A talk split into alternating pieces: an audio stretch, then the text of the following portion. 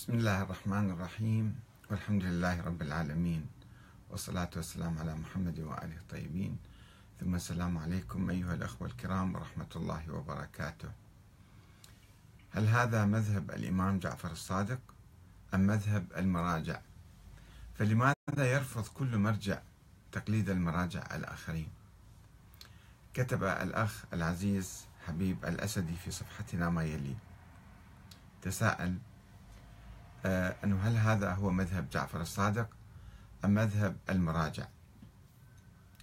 كل فقيه كل فقيه مذهب قائم قائم بذاته.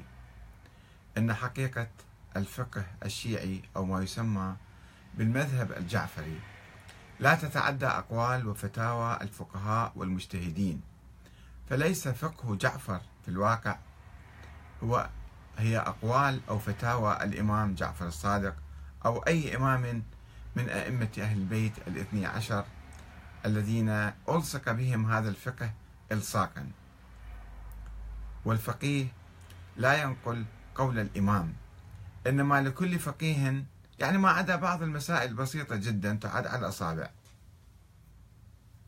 في مقابل مئات الآلاف ربما من الفتاوى التي تصدر من كل فقيه كل يوم.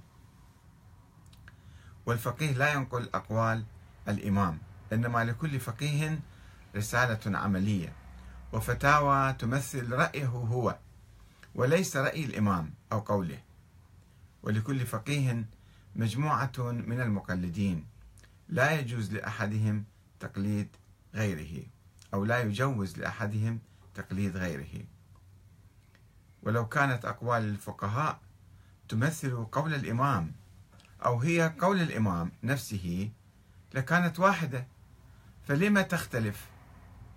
ولماذا حرموا على المقلد تقليد غير مقلده؟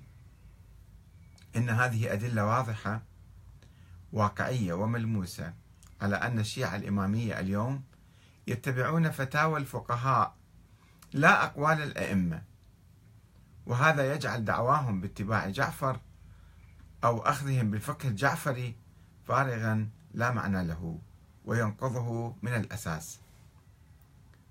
وإذا كان الإمامية في واقعهم العملي يأخذون بأقوال المجتهدين فما فضلهم على بقية المذاهب الفقهية الإسلامية الذين يأخذون بأقوال المجتهدين أيضا. صاروا نفس الشيء يعني. وهكذا نرى أن البحث في هذا الموضوع خوض في بحر لا ساحل له. وعلى أي حال فإن اختلاف فقهاء الإمامية فيما بينهم يثبت قطعا أنهم ليسوا على مذهب جعفر الصادق. فإن المعصوم لا تتعدد ولا تتناقض أقواله. فتعدد الأقوال وتناقضها يجزم بعدم وحدة مصدرها.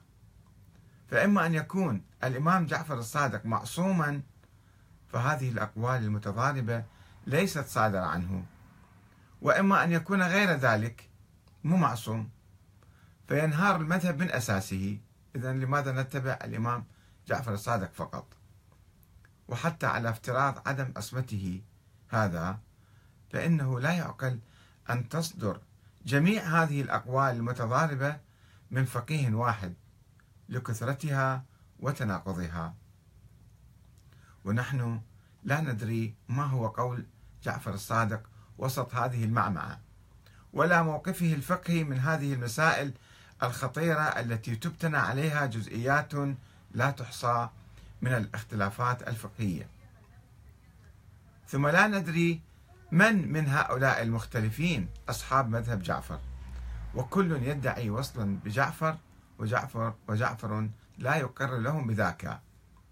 فلم يكن جعفر إماميا ولا أخباريا ولا أصوليا ولا خمينيا أو نراقيا يقول بولاية الفقيه ولا خوئيا على النقيض لا يقول بولاية الفقيه. بل ولا حتى جعفريا يستحيل على من ادعى عليه ذلك فنسب إليه أحد هذه الاتجاهات المختلفة أن يثبت دعواه بدليل معتبر غير الدعوة. وقد أثار هذا الحديث آه، نقاشا بين إخواننا وأصدقائنا. الأخ أياد أبو خمرة يقول آه، أحسنت لا يمكن أن تكون هذه آراء سيدنا جعفر الصادق. فمن غير المعقول أن يفتي سيدنا جعفر بالشيء ونقيضه. إذا كانت كلها آراء مجتهدين فبماذا يفضلون على بقية المذاهب والمدارس الإسلامية؟ أسئلة وجيهة وواقعية. أحسنت أستاذ أحمد الكاتب. آه، وله الأخ حبيب الأسدي هو الذي كتب هذا المقال. السيد عباس البراقي يقول أحسنتم مولاي. آه، فارس البرجود يقول يرفض ذلك ويقول هذا كلام غير منطقي لعدة اعتبارات. أولها أن علماء المذهب يستندون لروايات أهل البيت جميعهم وليس لفقه الإمام جعفر الصادق فقط وإنما سمي المذهب باسمه لكثرة ما صدر عنه سلام الله عليه. وثانيا أن العلماء يختلفون في الأمور المستحدثة والتي لا يجدون ما يسد فراغها في الروايات بالإضافة إلى صحة السند من عدمه وكذلك ضعف أو قوة الرواية. وثالثا من قال أنهم يحرمون تقليد الآخر؟ ولكن كل ما في الأمر أنهم طرحوا أمرا بوجوب تقليد الأعلم لأجل الوحدة والمركزية. ورابعا أن الفقه الجعفري يستند إلى أربعة مصادر أساسية هي القرآن والسنة والإجماع والعقل. وبالتالي فإن فتاواهم تستند لهذه المصادر وليس لآرائهم الشخصية. يعني هو كان يقصد كل مجتهد إلى رأي خاص به مش أنه بالهوى دي يتكلم هو عنده أدلة مستند عليها. فإذا في آراء متعددة صارت عندنا ما صار عندنا مذهب واحد. ويجيب الأخ حبيب يقول الأخ فارس البرجود المحترم. أولا إنما تعنيه بدعواك أن علماء المذهب يستندون لروايات أهل البيت وليس إلى فقه الإمام جعفر. دعوة عارية عن الصحة. عريا تاما إلى حد التصفير. إن الشرط الذي وضعه الإمامية لأنفسهم وهو أنهم لا يقبلون من الروايات إلا ما كان مرويا عن طريق رجال أهل البيت. منقوض هذا من ناحية أخرى هي أن أصل السند فاقد لهذا الشرط. فليس واحد من الرواة الذين كتبوا المصادر يرجع إلى أصل عربي فضلا عن أن يكون من أهل البيت كما يقتضي الشرط أو من عامتهم على أقل تقدير. إضافة إلى فقدان رجال سلسلة السند ذلك الشرط الذي ألزم به الشيعة غيرهم فقدانا تاما.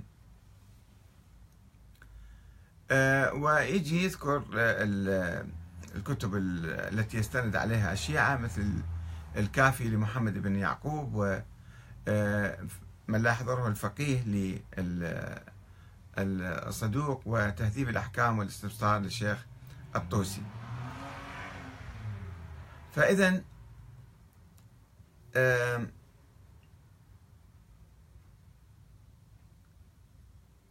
يقول الأخ حبيب مرة أخرى أن الشيعة إنما سموا أنفسهم إمامية.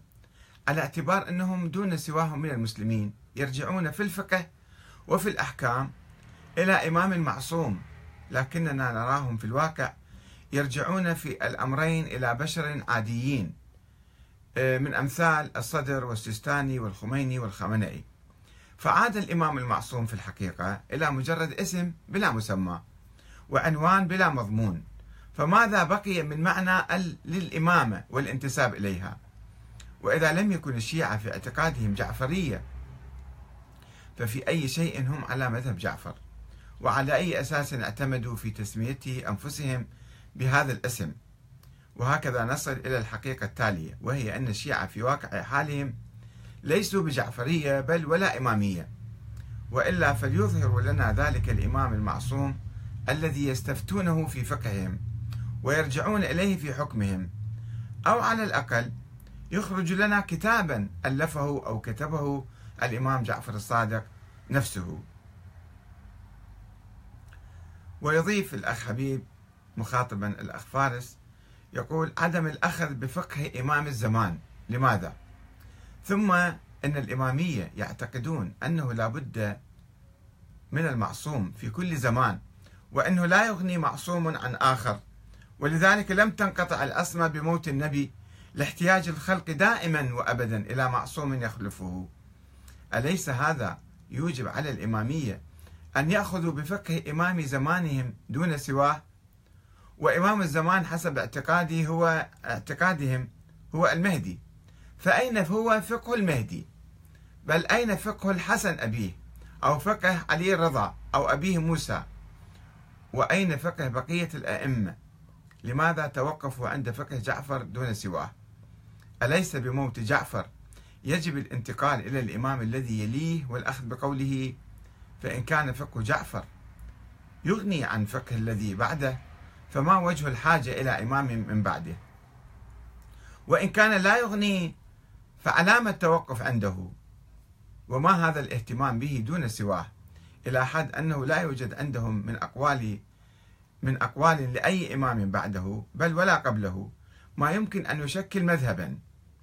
لقد عاش الكليني في فترة مقاربة مقاربة لحياة الحسن العسكري وفي موطن واحد معه تقريبا بغداد أو سامراء لكنه لم يسجل له في كتابه الكافي الذي حوى ثماني مجلدات من الروايات المنسوبة في غالب غالبها إلى جعفر.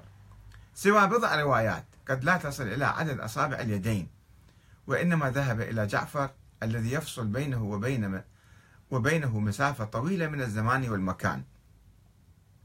أما من حيث الزمان فإن بينهما حوالي مئة عام. وأما من حيث المكان فإن جعفر عاش في المدينة والكلين عاش في بغداد. فلماذا يترك الأقرب زمانا ومكانا إلى الأبعد؟ أما ما أما كان أما كان الأولى بل الأوجب أن يجمع آثار الحسن العسكري وهو قريب منه جدا بل الواجب أن يجمع أقوال المهدي ولو بواسطة سفرائه وقد عاصرهم. فلماذا ترك الكليني ستة أئمة على التوالي ليروي عن الإمام السابع قبلهم؟ ولماذا يترك خمسة أئمة من قبل ليروي عن الإمام السادس بعدهم؟